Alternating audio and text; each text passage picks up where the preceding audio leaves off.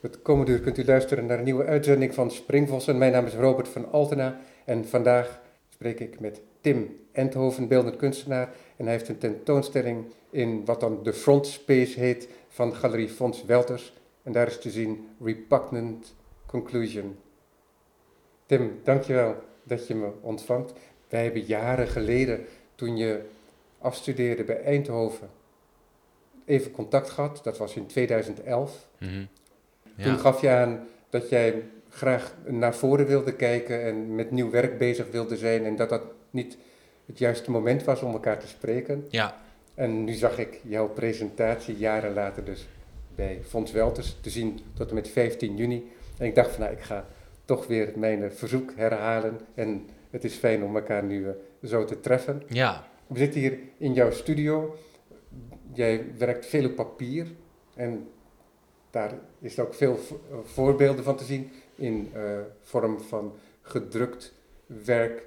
Er zijn wat tekeningen die ook tegelijkertijd grafiek zijn. Hier rechts van mij een tafel met een labrador en een herdershond zie ik. En er staat een, eh, een mensfiguur op een soort houten sokkel. En ik zie wat pennen en kartonnen paletten. Hier heb je dus je werk gemaakt dat nu te zien is. ja, Ehm, Repugnant Conclusion. ja. Dat is een tentoonstelling met werken op papier.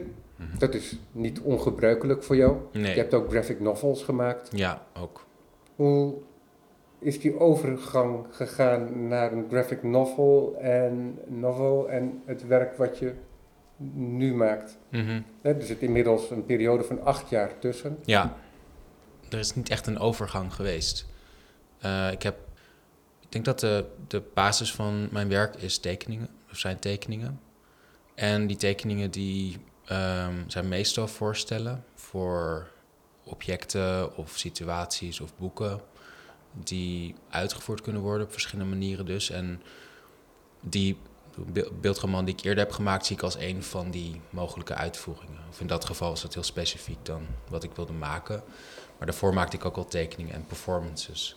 Dus dat is meer, ik zie het meer als een continuum dat, ja, waarin de- dat verschillende vormen steeds krijgt. Ja, dus voor jou is het nog steeds dezelfde wereld. Ja. Nou ja, het, het verandert wel iets, maar ik, ik probeer, ik heb mijn hele werkende leven lang geprobeerd om mezelf opnieuw uit te vinden. En steeds geprobeerd andere media te zoeken om, om een ander persoon en een andere kunstenaar te worden. En als ik dat dan vervolgens weer laat zien aan mensen die mijn eerdere werk kennen, dan zijn ze nooit eigenlijk verbaasd. Dan, dan zeggen ze, oh, dat is gewoon weer hetzelfde als waar je mee bezig was. En dat heeft vaak tot grote teleurstellingen geleid, maar inmiddels vind ik dat geruststellend. Maar dat is ook typisch iets. Ik had het daar eventjes over met Alan Charlton gisteren. Die heeft nu tegelijkertijd een tentoonstelling bij Galerie Sleeuwen. Ik interviewde hem over zijn werk dus. En dat bij hem in zijn minimalistische oeuvre dat uit grijzen bestaat en Mhm. rechthoeken en af en toe andere geometrische vormen Mhm. die nu, na al die jaren, al een oeuvre van zo'n 50 jaar, Mhm. heel logisch lijkt in de opeenvolging. Ja, Maar dat is het nooit voor de kunstenaar. nee. En dat is het ook niet nu met het werk wat hij nu toont in de galerie. nee. Want de kunstenaar kijkt altijd vooruit. En als je vooruit kijkt, dan is daar de wereld. En daar zijn dan mogelijke nieuwe werken. Ja, En daarmee moet je zelf altijd in het reinen komen. ja, Met name als je jezelf niet herhaalt. ja, Want anders hou je misschien ook een beetje op om die kunstenaar te zijn. ja, Want er is toch een elementaire nieuwsgierigheid altijd naar iets anders. En dat is wat jij ook zegt, alleen jij bent een veel jonger kunstenaar.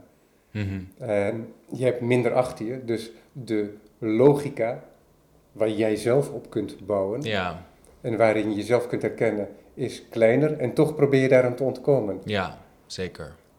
Terwijl Ja. jouw publiek dan inderdaad zegt zo van nee, maar het is heel logisch nog altijd. Ja, absoluut. Ja, dat, dat ben ik al vaak tegengekomen. Ik, ik, eh, ik zag dat trouwens als, als iets waar ik aan moest ontkomen omdat ik mezelf wilde verbeteren. En niet alleen het werk, maar ook mijzelf wilde verbeteren middels het werk. Dus het was echt een eh, proces van een nieuw mens worden. Dus de teleurstelling was des te groter iedere keer als dat niet lukte. ja. Dat is wel interessant dat jij dat zegt, want nu spreek jij dus ook een soort ethische component uit. Zeker. Die spreekt ook uit het werk wat je nu toont. Ja. En daarover later meer. Ja. En dat geldt denk ik voor de meeste kunstenaars wel. Mhm. Het verschil is dat het niet altijd uitgesproken wordt. Zeker. En misschien is dat ook een kenmerk van jouw werk, dat het toont, maar dat het ook altijd een soort meta-element in zich heeft. Mhm. Zeker, ja. Ja, ehm, nou ja, ik, ik, dat zit er altijd in, maar, maar in combinatie met heel erg concrete elementen. Ik ben ehm, nooit echt geïnteresseerd geweest in wat daar tussenin zit. Dus, dus tussen eh, bijvoorbeeld ehm, metafysische ideeën en persoonlijke dagelijkse ervaringen. Bijvoorbeeld ehm, politiek. Maar altijd in die twee elementen geïnteresseerd geweest. En ik denk dat mijn werk steeds gaat in grote lijnen over hoe die twee elkaar raken en hoe die twee botsen met elkaar. Dus abstracte ideeën. Ideeën ook die vaak moreel zijn, die iets zeggen over hoe je het leven in, in, de brede zin uh, wilt inrichten en hoe, hoe je daar, soort van, of hoe jij of, of anderen daar in het dagelijks leven mee bezig zijn en hoe dat niet werkt. Ja. Um, of ja. soms wel. Ja. Maar dat beschouw je op een bepaalde manier zoals je je eigen leven beschouwt en probeert te sturen. Ja. En dat is dus ook dat je de piketpaaltjes voorbij uh, morgen zet. Ja. Dus eigenlijk aan de horizon ergens. Ja. En dat je dan mogelijkheden gaat denken. Wat zou een, de mogelijke kunstenaar Tim Enthoven overmorgen kunnen zijn? Ja. Bijvoorbeeld ook wat zou een mogelijke toekomstige maatschappij kunnen zijn? Ja. We hebben te maken met een politieke, sociaal-politieke realiteit. Ja. En daar kun je over nadenken en die kun je proberen bij te sturen. Ja. Maar je kunt ook bepaalde elementen die bestaan, Ja. inderdaad extrapoleren. Ja. Dus tot het uiterste Ja, absoluut. um, in naar voren werpen om te kijken wat dat oplevert. ja. Want dat kan vaak heel erg verhelderend zijn. ja, zeker. En ja. dat is de rol van de kunstenaar op een bepaalde manier, zou je kunnen Ja. zeggen. Ja. Afhankelijk van de kunstenaar. Maar om ergens een zekere verheldering proberen te formuleren Ja. in beeld. In dit geval. Ja. Nou ja, ik, ik zou dat zeker niet zien als mijn rol, maar dat is wel de realiteit. Nee, oké, nee, ik wil je, dat wil ik je niet inderdaad. Ja. eh, Ja. Ja, het is meer beschrijvend. Op de schouders ja, leggen. Ja, het is geen agenda. nee. Nee. Nee, het is meer dat, het, dat, dat ik het niet anders kan. Dat werk wat je nu laat zien, die weerzinwekkende conclusie, die, Ja. dat is ook gebaseerd op zo'n extrapolatie. Ja. Die heb je niet zo uit het niets op je werktafel gelegd, maar die ben je ook tegengekomen. Ja. Hè, Met iemand die zo denkt, een Britse filosoof, Ja. Parfit, Ja. Derek Parfit, die twee jaar geleden is overleden. Ja. En hij maakte zo'n extrapolatie van een bepaalde situatie over een geluksanalyses in de maatschappij. Ja. De, kern van zijn idee, dat, door, hij heeft het idee van een, een conclusie geïntroduceerd. En de kern van het idee is dat de aanname dat een kleine samenleving met heel gelukkige mensen, dat die per definitie beter is, die ontkracht hij. Dat is eigenlijk alles wat hij doet middels een aantal uh, opeenvolgende stappen. En dan kom je bij een paradox terecht, en bij een conclusie terecht die weerzinwekkend is. Namelijk de conclusie die hij vanuit die stappen maakt, is dat een hele grote maatschappij, gigantische maatschappij met mensen die, maar, die levens hebben die maar net de moeite waard zijn, dat die eigenlijk beter te noemen is, dus middels die stappen, dan een kleine maatschappij met heel gelukkige mensen. En dat is natuurlijk een heel onprettige conclusie om te Ja, maar trekken. is dat ook gebaseerd op een, de logische optelsom dat de, de totale som van geluk Ja. uiteindelijk niet geringer is geworden? Ten opzichte Ja, je, je, nou, het, is, de, het is transitief beter. Dus de, de stappen die hij doorloopt is dat, dat, dat je als je samenleving A zou hebben... die bestaat uit dus, dus een kleine gemeenschap met heel erg gelukkige mensen, ontzettend gelukkige mensen. En die naast samenleving B zet, die bestaat uit diezelfde hoeveelheid ontzettend gelukkige mensen, maar daarnaast ook dezelfde hoeveelheid matig of best wel gelukkige mensen heeft, toevoegt, dan heb je, ehm, kan je zeggen, uh, die toevoeging van die matig gelukkige mensen is niet slecht. Niet slecht te noemen, omdat je, je voegt aan die, die hele gelukkige kleine samenleving voeg je een aantal mensen toe die uh, levens hebben die zeker de moeite waard zijn. Hoe is dat slecht te noemen? En vervolgens zegt hij, als je dan samenleving C neemt, een samenleving C bestaat uit uh, twee even grote groepen mensen, of, een, of tenminste een, een even grote samenleving als samenleving B. Alleen die samenleving bestaat uit mensen die uh, net iets minder gelukkig zijn dan heel ontzettend gelukkig.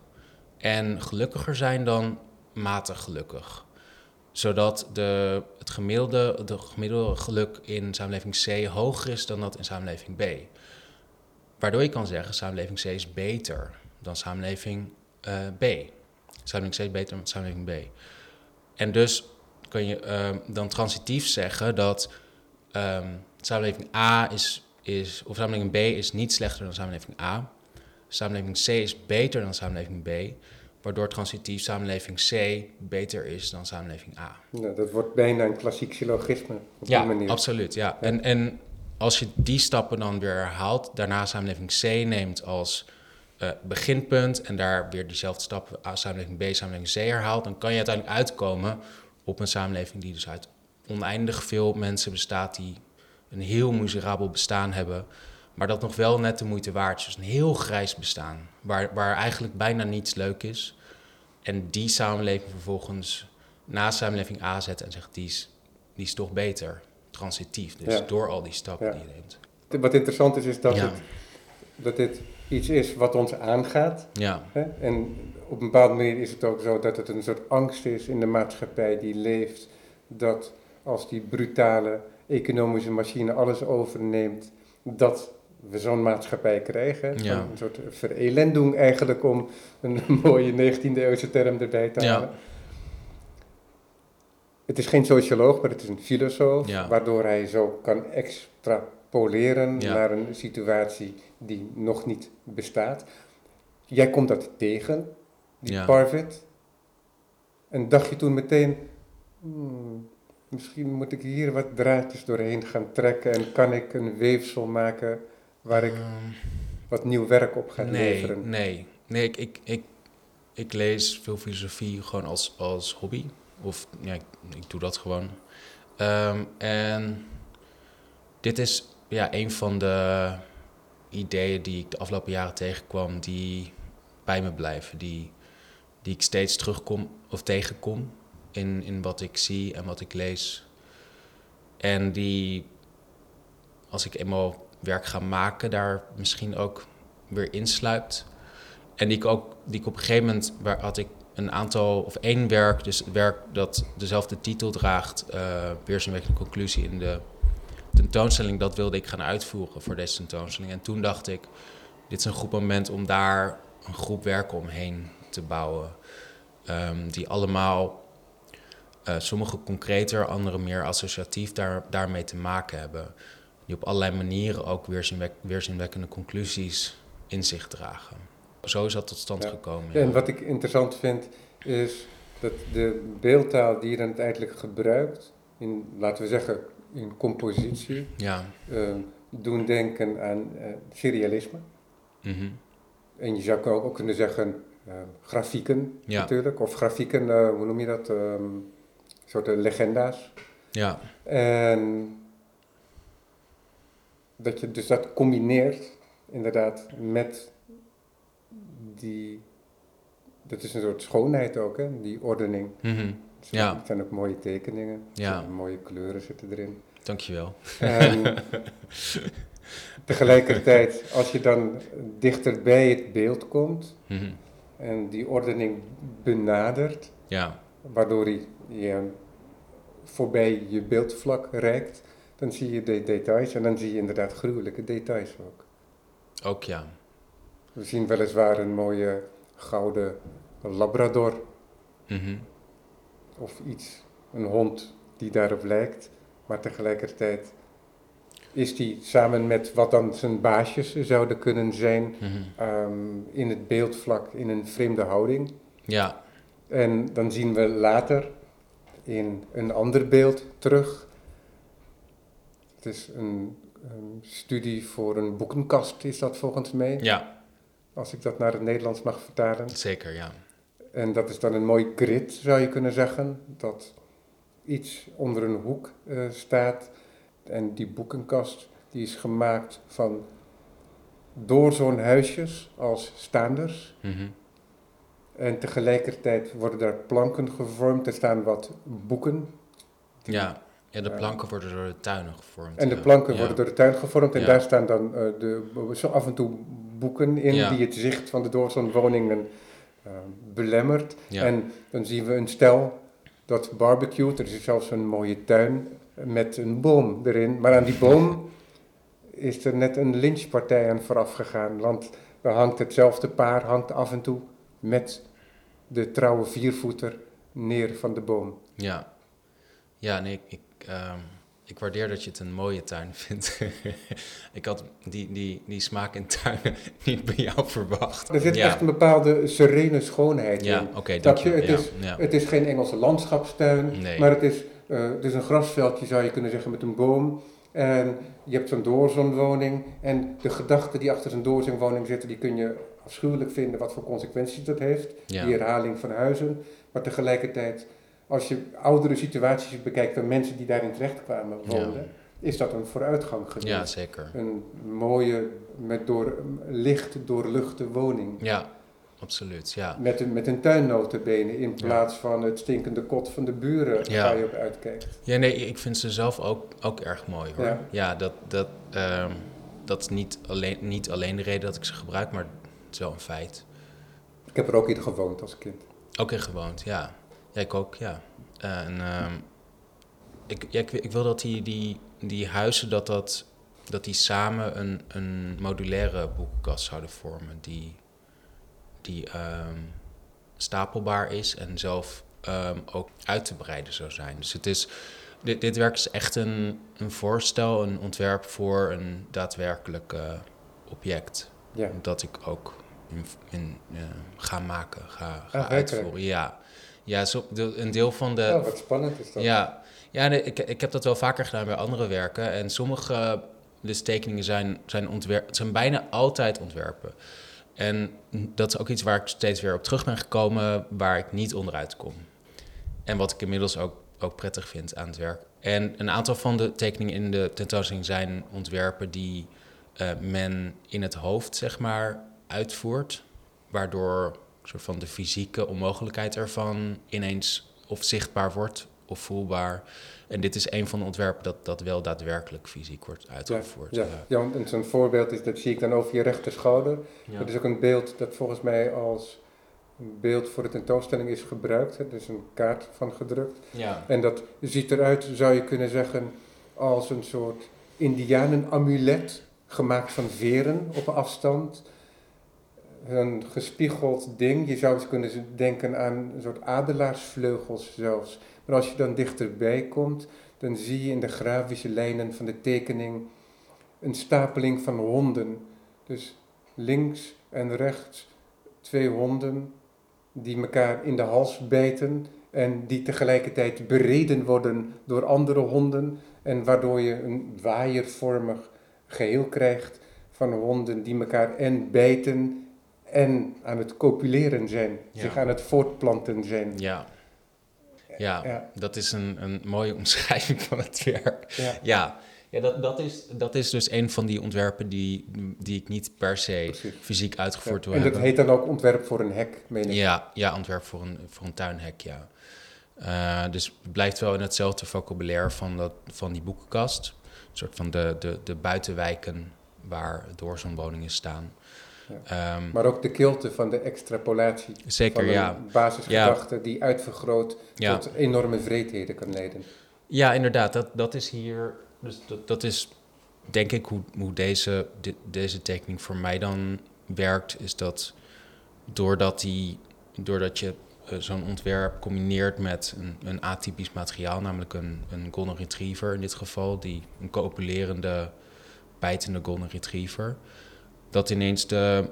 ehm, en die, die, die golden retriever tot een hele ehm, soort beperkte functie reduceert. Namelijk de functie van de golden retriever hier is afscheiding. Is een afscheiding in een tuin of een bescherming. En doordat die, die functie hierin zo ontzettend gereduceerd is en daardoor absurd aanvoelt, blijkt, of tenminste wordt voor mij ineens duidelijk dat die functie van die golden retriever eigenlijk zoals die we, die nu kennen en acceptabel vinden, dat die eigenlijk ook een ontzettende reductie is. Dat de functie van een golden retriever ten opzichte van de mens, dat dat ehm, een gezelschap is, maar ook bijvoorbeeld eh, bescherming tot op zekere hoogte. Dus dat die, dat die functie die zo gereduceerd is tot een, tot een tuinhek, dat dat heel absurd is. Terwijl de, de geaccepteerde functie, dus die iets, wel iets breder is, dat die eigenlijk ook vrij absurd is. En dat die ook eigenlijk heel beperkt is. En dat is ook weer zo'n, voor mij zo'n punt waarop door een ontwerp dat eigenlijk faalt, ehm, ineens andere aspecten van het materiaal van de hond in dit geval aan het licht komen. Ja, Ja. dat is. Een element wat hier ook spreekt, vind ik zelf, is zo'n golden retriever. Dat is echt een hele vriendelijke hond. Ja, En ik zag van de week een stukje langskomen op internet in van die nieuwsrubriekjes. Waarbij, ik weet niet meer wie het zei, maar waarbij iemand had gezegd. Ja, ik verbaasde me wel over die mensen die dan, en er was dan een foto van een Nederlands parkje. Dat mensen die dan naar de natuur kijken en dat als een zachte beleving eh, zien. Mhm.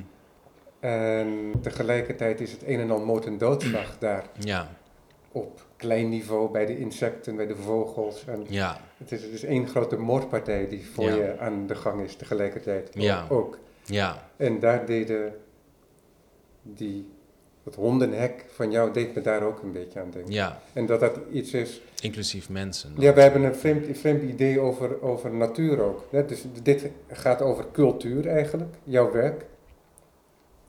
Dat, je- dat, de mens zich als cultuurelement, want we worden ook het element daarin in ons eigen construct, Mhm.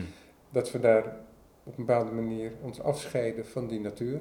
Dus die natuur ehm, die wordt gedomineerd door ons. Ik geloof dat meer dan 80%, bijna 90% van de gewervelde dieren in de wereld binnen eh, het beheer van de mens valt. Ja, Dat is echt ook, eh, Ja. een ongelooflijk getal. ja, En de biodiversiteit in de stad schijnt hoger te zijn dan op het plat, platteland, wat er veel natuurlijker uitziet, ja. bijvoorbeeld. Nou ja, op zich gaat mijn, mijn werk, ga- tenminste voor mijn gevoel, gaat mijn werk niet heel erg over ehm, die, de, de fout in, in dat soort denken. Nee, dat denk ik ook niet. Nee. Maar ik zeg alleen maar dat ik, doordat ik zo'n stukje lees en doordat ik dat werk net van had gezien, dat je wel ook dat soort combinaties kunt, ja kunt zeker, maken. ja. Ja, ja dat, dat, is, dat is iets wat ik, wat ik dus wel prettig vind, dat doordat het werk, zoals jij net zelf noemde, een, een metacomponent heeft en heel abstract of, en, en heel ehm, concreet is, dat die ruimte ontstaat. Dat daar ehm, heel veel ruimte voor, voor eigen duiding ontstaat en dat dat ook heel eh, vloeibaar blijft. Ja, want een voorbeeld dan is dat je ook, ehm, en dat hangt een heel groot vel, ik denk 1,20 hoog denk ik, en daarop is een plant te zien Mhm, met een mooie bloesem. mhm. Een bloesem die enigszins lijkt, zou je kunnen zeggen, op de vlierbes, die nu Ja. overal geurt. Ja, En de, dat is een berenklauw. de berenklauw. en ja. de berenklauw, dat is een mooie plant. De ouders van een vriend van mij hadden het in de tuin. Ja. De kinderen waren niet meer jong, dus dat kon. ja, Want de berenklauw, daar kun je flink aan branden. Zeker, ja. Ja, ja de, de, de berenklauw is, is ehm, in eerste instantie eh, geïmporteerd in, de, in Engeland eh, als sierplant. Ehm, in, En- in landschapstuinen, ja. en jouw tekening ziet er ook uit als een zo'n mooi eh, sierpaneel, Ja, ehm, wat in een klas kan hangen. ja, klopt. Ja, daar, dat, dat, is, dat is ook wel een, een van de soort van referenties. Dat is een beetje een ander onderwerp dan, maar ik gebruik vaak als, als referentie voor mijn beeldtaal bruikbare tekeningen. Dus ehm, bijvoorbeeld, hoe noem je dat? Eh, eh, botanische tekeningen of handleidingen, dat soort tekeningen. Ja, dat begrijp ik. Ja. Er is een, hele rijke traditie ja, van. Ja. En ook, maar daar zit ook de, daar zit ook een soort typologie al in. Ja, en dat uh, sluit aan inderdaad bij jouw idee van extrapolatie ook, denk ja. ik. En ook van, van de tekening als ontwerp. Uh, dus dat is één lijn. Maar, maar de, mm, die, die berenklauwen, het is een, een vel dat helemaal, of tenminste niet helemaal vol, maar er zijn alleen berenklauwen op te zien. En ik wil dat werk heel graag maken. Ik heb best wel lang getwijfeld om te maken, omdat ik het zo simpel vond en omdat het, um, ik het volledig voor mijn eigen plezier deed. Wat, wat voor mij vaak verdacht is. maar ik, ik vond het idee interessant om een, een, een, Het is niet echt een veldje, maar het is een. Um, ik, ik noem het een patch, een patch of hawkweed. Is niet echt een vertaler naar het Nederlands, maar een, een, een stukje berenklauw. Dat je dat koopt of, Ja. of hebt, kan bezitten. Ja. Ehm, en dat het een plek is waar, ehm, net als eigenlijk de, in de andere werken gaat het allemaal over mensen. Middels honden gaat het over mensen. En er komen ook veel mensen in voor in de andere werken. Maar hierin wilde ik de afwezigheid van mensen eh, laten zien door een mensvrij stukje. Een stukje dat letterlijk... Dat noodzakelijk mensvrij is, Ja. omdat een mens daar niet kan vertoeven. Ja, dat letterlijk weerzinwekkend is en, en dat heel moeilijk te verwijderen is. Het is ook een plant die, die in opkomst is door, door de klimaatverandering. Ja, ja. In Noord-Amerika bijvoorbeeld. Ehm, dus dat, dat soort van afwezigheid, de, eh, het, de tegenstelling van mensen. Of van, van geen mensen en daardoor toch over mensen hebben. Dat, dat vond ik een interessant idee daaraan. Ja, Dus als die natuur dan zijn intrede maakt, ja even buiten beschouwing gelaten dat wij natuurlijk ook gewoon nog altijd natuur zijn, zeker ja. dan is dat nog altijd in functie ten opzichte van de cultuur en niet ehm, als de mens die eh, de natuur verstiert. Nee, En dat ja. is wat je net aangaf, Ja. dat dat niet per definitie jouw onderwerp is in deze tentoonstelling. Nee, nee, zeker niet. Nee. Ja. Maar in, in, in, in het geheel niet ook hoor. Ik, ik, ik, eh, ik vind het idee van een mens die natuur verstiert, vind ik ook een vrij absurd idee. Dat heel erg van menscentrisch is. En het idee van de mens als heerser over de natuur eigenlijk nog steeds aanhangt. Maar dat is een heel ander onderwerp. Ja, maar wat wel interessant is natuurlijk, is wat zo absurd lijkt in jouw werk, die extrapolatie, Ja, die zie ik eigenlijk elke dag door de opengeslagen deuren van mijn balkon. Want er staat bij mij een esdoorn voor, dat is een vrij banale pioniersboom. mhm, Dus als je alles kapt, dan is het eerste wat opkomt een es, een esdoorn en een, en een berk eventueel. mhm. En dat groeit zo ontzettend snel. ja, Dus dit jaar al zo'n 70 centimeter. ja, Over extrapolatie gesproken. ja, ja, ja. Dus het is, ehm, als je het over extrapolatie hebt, en dan, dan denken wij heel erg in cultuurvormen, wat jij dus ook doet. Maar dat is misschien ook kenmerkend dat dat ook gewoon een element is wat in de natuur bestaat. Ja, zeker, ja. Dat, ehm, ik ben even de naam van het boek kwijt, maar er is een, paar geleden een boek gelezen over eh, een man die, die ehm, ehm, de scenario's beschreef. Heet dat? After... Het, het ging over dat- dat bijvoorbeeld een stad als New York, als, daar, als de mensen daar weg zouden gaan, Hoe wat snel er dan, dat... hoe snel het dan zou gaan. Wat, wat, welke stappen er, in welke stappen ehm, bomen het zouden overnemen. Welke Ja. stappen na een paar dagen zou de metro overstroomd zijn. Een, een heel interessant boek. Dat op een gegeven moment wel ehm, erg veel herhaling was. Omdat je op een gegeven moment wel, wel wist hoe, Ja, hoe snel en hoe, hoe breekbaar het allemaal was. Maar eh, heel informatief. er is een voorbeeld, en dat ken je waarschijnlijk, en anders zou je het toch een keer moeten bekijken omdat het heel mooi is. Is Helits, eh, Belitz Heilstetten, een oud sanatorium. Mhm. dat eind 19e eeuw, begin 20e eeuw is neergezet. Een paar paviljoens, net buiten Berlijn. Dus Mhm. dat heeft geleden onder de oorlog. Mhm. Dus de soldaten die terugkwamen de Eerste Wereldoorlog, die werden daar verzorgd bijvoorbeeld. En toen de Russen het voor het zeggen hadden, toen is een deel vervallen.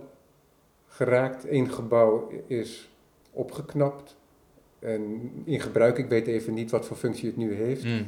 Maar een ander gebouw, dat is echt ontdaan van muren en dak. Dus dat is een open karkas van jouw boekenkast, zou je bijna kunnen zeggen. Mm. En in de loop van de decennia Mhm. is dat tot een gestapeld bos geworden. En als je door het trappenhuis loopt, dan naarmate je hoger komt, is het mos zo groot geworden dat de treden vult. Mhm. En ik heb daar op de vierde verdieping gelegen, op een mosgrond met de bomen die om me heen rezen. Mooi. Ja, maar dat is dus een, zo'n voorbeeld Ja. eigenlijk die misschien, die misschien heel leuk is voor jou om te zien. Ja, klinkt goed. Maar nu is er een enorme loopbrug omheen gemaakt, zodat je dat vanuit de kronen van de bomen ook kunt, Ja. eh, kunt zien. Vorm van dark tourism. Ja, maar dat is wel zo'n voorbeeld van hoe de, een menselijke constructie overgenomen kan worden Ja. door natuur en hoe snel dat kan gaan. Inderdaad. Ja, ja. Ja, mooi. Ja. Ja, Ja. daar. Hey, als we dan hier naar jouw werktafels gaan, hè? dat is Ja. eventjes weg van de tentoonstelling bijvoorbeeld, en dan komen we ongetwijfeld wel weer terug dan. Die gedachte die komt dan bij je terug, van die Derek Parfit. En op een gegeven moment heb je toch het idee dat je iets moet gaan aanvangen daarmee. Mhm. Wat is dan het eerste lijntje dat je trekt? Wat is, hoe begin jij dan? Mm, ik, ik was eigenlijk eerder met een, ehm, met een ander project dat nog, dat nog geen, ehm, geen ehm, uiteindelijke vorm heeft gekregen ehm, bezig. En daar was ik al soort van met dat idee als onderdeel daarvan, met die werkconclusies als onderdeel daarvan bezig. Dus daar had ik al van wat diagrammen gevonden die, die me aanspraken. En daar was ik al mee aan de gang gegaan in ik maak meestal een soort van digitale collages die ik dan als van studiemateriaal gebruik. Dus die had ik al. Dus ik ben eigenlijk daar naar teruggegaan. Nee, maar die digitale collages, dat doe je dan in Photoshop. Ja, Ja, ja. ja. En die zijn heel ehm, best snel gemaakt met, met ehm, ja, beelden die me, die me gewoon aanspreken. En die zijn ook niet, niet heel direct bedoeld voor uitwerking. Maar meer, maar, daar, ik ga er nog ehm, vanuit dat ik die zelf dan ga interpreteren. Ja, dat is, dat is een soort schetsboek voor je. Nou, een soort van, maar dat blijkt nu toch eigenlijk wel ehm, best wel directe handleidingen te zijn van werk. Dus het, ik, ik, ik ben erachter gekomen dat als ik die, die schetsen één op één uitwerk, met alle moeilijkheden die dan de fysieke wereld met zich meebrengt, eh, hoe op papier en dergelijke met verf, dat vind ik allemaal erg moeilijk. Ehm, Maar toch ga je dat aan. ja, toch ga ik dat doen, want ik weet dat er in die vertaling heel veel interessants gebeurt. En dat het, het beeld dat heel klein is op een scherm, op mijn scherm, dat dat veel groter, dat dat iets heel anders gaat betekenen, dat heel anders gaat voelen. Dus ik heb, die, ik heb eigenlijk die beelden, op dat beeld, één diagram specifiek heb ik, die ik al als digitale schets als die ben ik, ben ik gaan uitwerken. Dat is dus een van de werken in de tentoonstelling geworden. En daaromheen ben ik beelden gaan zoeken van, uit, uit schetsen die ik al had gemaakt, waarvan ik eigenlijk niet echt een idee had hoe ik die nou moest duiden of wat ik daarmee moest. En die ben ik naast elkaar gaan zetten. Dus ik print vaak dingen klein uit en die, die plak ik naast elkaar op de muur. En dan langzaam begin ik daar verbanden in te zien. En begin ik ook te zien hoe ik bepaalde dingen moet afmaken. Hoe, of of ehm, welke richting bepaalde tekeningen die ik heel intuïtief heb gemaakt. Die, bijvoorbeeld een aantal van die, dat hek met die honden was bijvoorbeeld gewoon een, een schets van een aantal gestapelde honden. En daar zag ik ineens in, oh, maar dat, dat heeft heel erg, dat, dat spreekt diezelfde taal. Dus als ik daar nu op doorga, misschien dat daar iets in zit. En dat werkt dan zo Ja, en dat moet je dus echt ontdekken ook Ja. in het maken, in het, in het Ja, zeker, ja. eigenhandig tekenen. Ja, ja dat, daar, zit dus, daar zit het eigenlijk allemaal in. Het, een, ja, het, zijn, het zijn interessante elementen die samenkomen. En hetzelfde gaat eigenlijk voor dat, voor dat idee dat die, die conclusies ook nog niks... Tenminste, is heel veel, maar betekent niks voor mijn werk... zonder dat ik door dat proces heen ga. Nee, precies, want Ja. tot op dat moment is het nog altijd de, de filosofie van een ander, Ja, die jou interesseert, het raakt jou ergens, ja, maar je hebt hem nog niet eigen gemaakt. Nee. dat, is, dat is belangrijk. Het is niet zo dat jouw werk een illustratie is van een theorie. Nee, nee. Want dat is denk ik dan belangrijk om te zeggen. Ja, Dus je kunt ergens door geïnspireerd zijn ja, en vervolgens probeer je dat te betrekken op je eigen werk eigenlijk. ja. Ja, het, is een, het wordt een aanleiding. En dan wordt het dus ook een denken met beeld. Ja, En zeker. dat is denk ik wel belangrijk. Ja, Dat het geen vertaling is of een omzetting van taal in een plaatje, waardoor het illustratie zou zijn. nee. Maar dat je nadenkt over dat concept van die filosoof.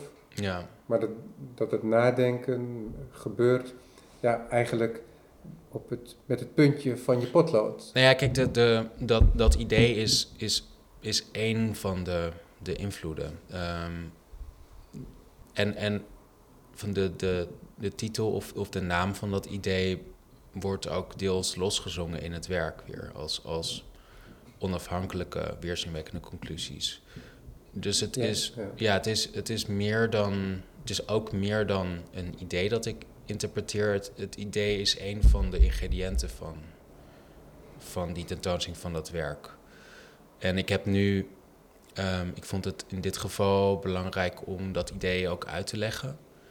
Omdat het van niet, niet heel erg. Niet per se heel erg toegankelijk is en veel mensen misschien niet zouden kennen. Maar het, het is een van de onderdelen. Ja, Wat ook eigen is aan dat werk, is dat het aantrekkelijk is. Dus dankjewel. je kijkt graag naar. En het heeft ook een, dus een bepaalde zachtheid, want je Ja. zou het zo ophangen in een, in een klas. hè. Ja. Dus we hebben wel wat ehm, klaslokalen eh, gewoon zelf bevolkt, waarin ze dan opgehangen waren. Dus het heeft een bepaalde zachtheid in die zin, in de presentatie. Ja, En inderdaad, dan als je dan. En als je zo'n beeld alleen bekijkt, dan denk je van oké, wat, wat is hier aan de hand? ja, Maar het is wel zo dat de titel alleen al je wantrouwen wekt en waardoor het gaat wringen. ja. Ja, dat, eh, ik denk dat het in mijn meest, meeste van mijn werk is. En dat, het is niet zozeer, maar ik ben me daar bewust van dat bijna al het werk dat ik doe, eh, die zachte kwaliteit heeft. Van eh, een toegankelijkheid. En ook dat het werk, dat het misschien mensen aantrekt. En dat mensen in eerste instantie misschien denken of voelen, dit beeld ken ik, dit, dit komt me bekend voor. Hier heb ik eh, een categorie voor en dit ben ik vaker tegengekomen. Het betekent dit en dit. Dus dat is niet, niet heel ehm, bewust natuurlijk, maar dat is soort van een heel een, een. En ik wil wel dat er net genoeg aanleiding in het werk is om toch nog een keer te kijken. En, en ehm, die aanname dan van te zien worden ontkracht terwijl je het werk van dichterbij bekijkt of er langer over nadenkt. Dus middels die, die titel, die doet dat dan hier. Ehm, en dat je op die manier ook weer eigenlijk je, je eigen aannames aan de kaak gesteld vindt. Wat er nu te zien is, ik heb ze niet geteld hoor, maar laten we zeggen, er is een achttal werken te zien Zoiets? Zes. Zes. Zes? Ja, ja. Bij Fons Welters. Bestaan er nog meer tekeningen en collages? Hoe, hoe bedoel je? Heb je nog meer werken gemaakt met Toon je niet alles? Of heb je nog meer Ja. ontwerpen? Ja, Want ik- want- ja, Want dat veronderstel je bijna. ja, Dus eh, zonder dat je het toont, dus je hoeft het inderdaad niet eens te tonen. ja, Maar ik veronderstel al dat deze werkelijkheid, van deze werkelijkheid nog veel meer facetten getoond kan worden. ja, Die niet per definitie een herhaling zijn, ja, maar een, misschien een verdieping en misschien zelfs een problematisering. ja, Die niet per definitie alleen maar ehm, meer, dus erger en slechter, maar ook andere facetten kan tonen. ja. Ja, zeker. De, ik, ik heb daar eh, met heel veel andere ontwerpen ook gespeeld. eh, die dus ja, op een gegeven moment in, in verschillende stadia afvielen. Een aantal daarvan, of tenminste in ieder geval één daarvan, heb ik uiteindelijk vlak voordat het opende of voordat het, dat ik het moest, moest ophangen, ehm daaruit gehaald omdat ik vond dat hij te concreet maakt. Dat hij te veel van de som liet zien. het was een, een, een, situatie waarin een aantal mensen dan in een tuin zaten met, waar die tuinhekken toegepast waren. En ik dacht, nee, dat, is, dat wil ik niet laten zien, dat maakt het plat. Ja, ja want nu is het nog apart, Ja, inderdaad. ja die, die ruimte voor, voor die ehm, interpretatie, een, een, poëtische interpretatie, die, die wil ik heel bewust daarin houden. Ehm, en ook, ik denk dat ik in, in hoe ik het werk beschrijf zelf en wat ik erover wil zeggen, dat ik het eigenlijk voornamelijk over de ingrediënten wil hebben. En niet zozeer over wat dan die ingrediënten maken. Wat Ja. voor. Ik wil ze niet duiden. Ja. ja, want dat is denk ik ook interessant ten opzichte van, laten we zeggen, je hele vroege werk, hè, dat je nog op de academie maakte, is dat je niet de tussen, tussenliggende ruimtes ook invult, maar dat je zelf de combinaties kunt maken tussen dat hondenhek bijvoorbeeld en de boekenkast van de doorzonwoningen Ja, en de lynchpartij. ja. Het is niet per se een lynchpartij. iets. Nee, maar zo heb ik dat even aangeduid eerder. Maar ik wil het inderdaad ook niet framen als, als, Ja, als zijnde dat alleen maar. Excuus. ja, Maar dat is goed dat je dat zegt. ja, Maar het bevindt zich in dezelfde ruimte allemaal. Dus je, kunt, je hebt zelf de vrijheid om de ruimte waarin je jezelf begeeft. ja, Dus ook om het op jezelf te betrekken daardoor. ja, Omdat het niet als een beeldverhaal ja, met elkaar verbonden is. In een universum wat ik heel gemakkelijk op een afstand kan plaatsen. ja. Ja, ik, ik, ik, dat in, in minder of meerdere mate zit dat... Ik heb ook een, een, ehm, een aantal jaar geleden ben ik begonnen met een serie performances of situaties waarin ehm, ik ook een tekening als aanleiding nam, als, als ehm, ontwerp dat uitgevoerd werd middels performers of dat uitgevoerd werd in een situatie waarin ook toeschouwers ineens onderdelen werden van het werk. Dus ik, ik ehm, eh, deze tentoonstelling is eigenlijk een van de weinige of een van de eerste dingen sinds jaren waarin alleen tekeningen te zien zijn. Die wel weer op allerlei verschillende manieren functioneren dan. Ik heb bijvoorbeeld eh twee jaar geleden een, een, ehm, een kleed gemaakt. Ehm, dat, dat heet asymmetrie kleed, een vertaling dan. En dat is een kleed waar, waar, waarbij ik eh, mensfiguren, ik heb een aantal jongens, heb ik ehm, door eh, een bevriend kunstenaar heeft daar mallen van gemaakt. En daar, die zijn als basis gebruikt voor filten-elementen die ook eh lichaamszwaar zijn en dus eh, lichaam, ook eh, levensgroot. In verschillende houdingen heb ik, die, ehm, heb ik die jongens laten poseren. En die houdingen die, die haken allemaal in elkaar. Dus dat kleed is opgebouwd uit drie verschillende figuren die in elkaar haken. En die segmenten, die modules, haken dus ook weer in andere modules, waardoor het een kleed wordt dat, dat potentieel ook een vloerbedekking kan zijn, dat, dat steeds groter kan worden. En het gebruik van dat kleed, ehm, het lopen over dat kleed ehm, of daarop liggen, dat is voor mij een essentieel dat onderdeel van het werk. Dat is niet het gebruik ervan of ehm, het is meer de, ehm, het is ook niet de uitvoering ervan. Het is ehm, op, op langere termijn het gebruik daarvan is het werk samen met eh, het fysieke kleed. Dus daarin is heel, heel letterlijk een, eh, een kijk. Ja, het is ook niet meer een kijker te noemen, want het Ja, wordt. maar dat een- is, wat er gek aan Ja. is natuurlijk, is dat wat ik nu kan zien in de galerie, dat is een, een, een esthetische beleving, een visuele beleving, maar het is ook een, een heel duidelijk een geestelijke ruimte die Ja. getoond wordt. En als het object wordt, ja, dan wordt het ook heel fysiek. ja, Ik kan me goed voorstellen dat het erbij past, maar dat is een, inderdaad van een heel andere orde, inderdaad. ja. Nou ja, hoe bedoel je op een van een andere orde? Nou ja, omdat het heel fysiek is. Een fysieke aanwezigheid heeft ook. Hè? Want nu hangt er een soort ehm, impeccable, wil ik dan zeggen. Ik kom even niet op het Nederlandse woord, maar er hangen, er hangt prachtig, prachtige tekeningen. Ehm, en die tekeningen die zijn zo gemaakt dat het overig papier dat onbewerkt is, onaangedaan is. Ja, En de- alles is heel scherp. ja, en dus dat is een, dat is een beeld, dat is een vlak, dat is een beeld en dat is een mentale ruimte, Ja. zoals ik dat net zei. Ja, En als er dan een object is gemaakt en dan ook nog van een mens ja, vormen, ja, die ook, zoals je zegt, een menselijk gewicht hebben, ja. dan wordt het heel fysiek. Ja, ja het, wordt, het wordt heel fysiek. Dat, En eh, dat is ook een sculptuur in die zin, als je verhouding tot een sculptuur, als je dat dan eh, een beetje op afstand plaatst, ja, dan dat die is heel anders dan ten opzichte Dat- van zo'n vel. dat klopt. Maar, ik, maar ik, in, in alle objecten die ik heb uitgevoerd, zit er heel sterk een gebruikselement ook. En ze hebben ook allemaal de neiging, of tenminste dat probeer ik, dat ze van terugdijnen. Dat ze eh, zich heel dienstbaar opstellen. En dus ik denk daarom, in ideaal, zou je eigenlijk eh, het nauwelijks zien. Zou het je nauwelijks opvallen. Zou je, ik, ik wil nu nog een, een uitvoering maken van dat kleed waarin een hele ruimte is bedekt daarmee. Waardoor je als je de deur opent, waar ook, ook meubels op staan als een vloerbedekking. Dus als je de ruimte binnenloopt, dan hoef je geen ergen te hebben dat dat kleed aanwezig is. Dus het, het deinst heel erg terug en is ehm, juist niet theatraal. Dat, ik wil dat het absoluut niet theatraal is. Dat het ehm, ehm, eigenlijk een beetje eenzelfde soort kwaliteit heeft als die tekeningen.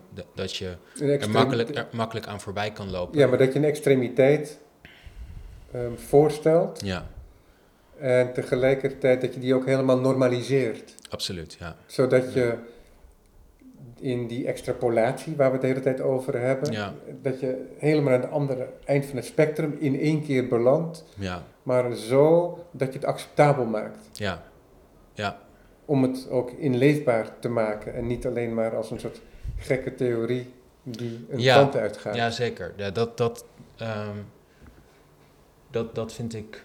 Dus dat is heel erg een, een, ehm, een houding in de wereld die ik eigenlijk altijd heb gehad. En die, ehm, die ik soms kan, kan uitspreken, kan, concreet kan maken door middels dit soort ontwerpen, dit soort objecten. Ehm, Ja, dat is toch opvallend. ja, Hè, omdat je, dat, dit, die tekeningen zorgen ook voor enige distantie, zou je kunnen Ja. zeggen. Ja, Dus het, eh, het verbaast me, maar ik vind het ook mooi dat je dan ook die, de objecten maakt, inderdaad. ja.